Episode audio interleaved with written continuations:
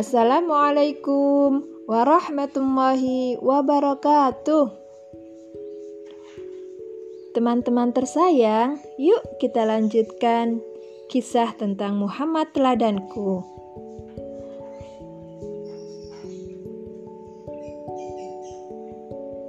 Setelah Rasulullah dikembalikan ke ibunya, kakek Rasulullah Abdul Muthalib menginginkan bahwasanya Rasulullah kembali ke dusun Bani Sa'ad sampai dia berusia lima tahun.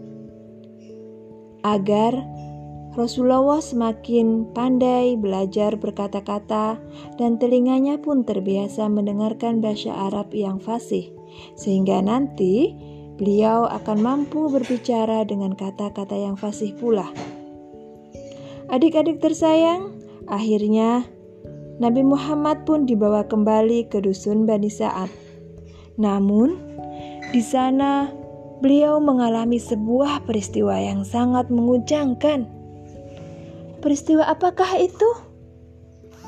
Pasti teman-teman sudah pernah mendengarkan. Ya, pembelahan dada Rasulullah. Adik-adik tersayang, Peristiwa itu terjadi tidak lama setelah keluarga Halimah kembali ke pedalaman.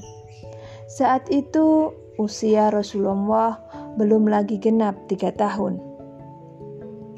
Hari itu, Muhammad kecil mengembalakan kambing bersama saudara-saudaranya. Tiba-tiba, salah seorang putra Halimah datang berlari-lari sambil menangis. Ada apa anakku? Tanya Halimah dan suaminya panik.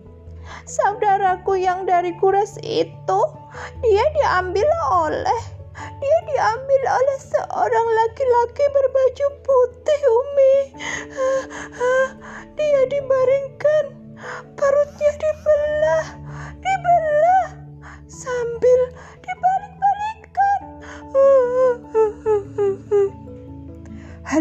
Dan Haris segera berlari kencang kembali ke dusun mencari Muhammad. Mereka menemukan anak itu sedang sendiri. Wajah Muhammad pucat pasi. Halimah dan suaminya memperhatikan dengan betul-betul wajah Muhammad. Apa yang terjadi padamu, Nak?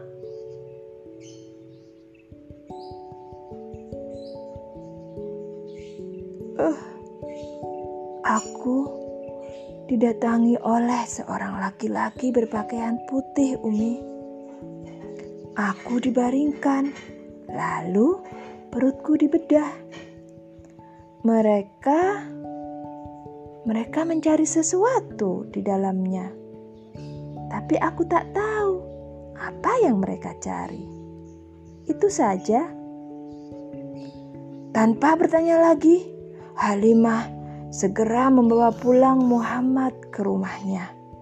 Hatinya dipenuhi dan diliputi oleh kecemasan.